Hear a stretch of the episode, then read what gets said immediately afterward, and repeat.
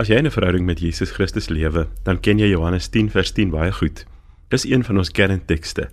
Dit lei die dief het gekom om te steel en te plunder, maar ek het gekom sodat jy lewe en dit in oorvloed kan beleef.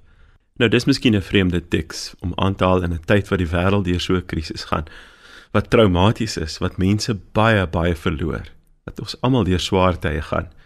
Maar dit is nie Mense wat met geestesoë na omstandighede na die wêreld kyk, kan altyd hierdie twee dinge sien. Kan sien hoe is die dief besig om te steel, maar kan ook die groter prent sien.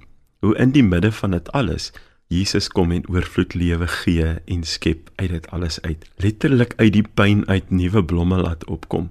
En daar kom 'n punt waar mens opgewonde daaroor begin raak, selfs al is jy nog in die midde van die krisis. Nou daar's twee belangrike lesse om toe te pas. Die eerste een is om nooit die dief toe te laat om meer te steel as dit wat die Here vir hom wou toelaat om te doen nie. Net soos in die lewe van Job waar God 'n streep getrek het en gesê het nie meer nie. Hierdie man is genoeg getormenteer. Net soos daar met dit wat ons nou deurgaan ook 'n begrensing. En mag ek en jy nie toelaat dat die dief meer vat as dit wat die Here hom wou toelaat in die eerste plek nie.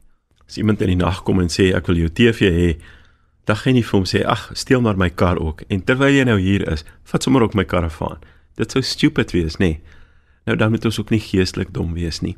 As dit met jou swaarder gaan finansiëel moenie toelaat dat dit jou gees of jou siel affekteer nie. Moenie die vreugde wat jy in die Here het en die hoop wat jy in Jesus Christus het ook prys gee asof die dief net maar dit ook kan vat nie Die tweede les wat ons in tye soos hierdie leer, is om God te vra om ons geestesoë oop te maak, sodat ons selfs te midde van die krisis en terwyl dit voel asof daar by ons gesteel word, alreeds te kan sien hoe die Here Jesus kom en vir ons 'n lewe en dit in oorvloed teruggee. Hoe hy vir ons meer gee en meer leer, sodat ons eintlik ryker is al is ons armer. Iets wat 'n mens moeilik verstaan as jy nie met geestesoë kan kyk nie. Maar deur al die eeue is daar Christene wat dit juis kon doen, wat met 'n groot glimlag deur groot krisisse aan die ander kant kon uitkom. Daar is 'n gedig geskryf in 1869 in die tyd van groot krisis. Dis in 1919 weer geherdruk toe 'n pandemie miljoene mense uitgewis het. Ek lees vir jou die einde daarvan. The earth also began to heal. And when the danger ended and people found themselves, they grieved for the dead. They made new choices and dreamed of new visions and created new ways of living and completely healed the earth just as they were healed. Deur al die eeue kon God se mense die nuwe begin altyd raak sien en daaroor opgewonde wees.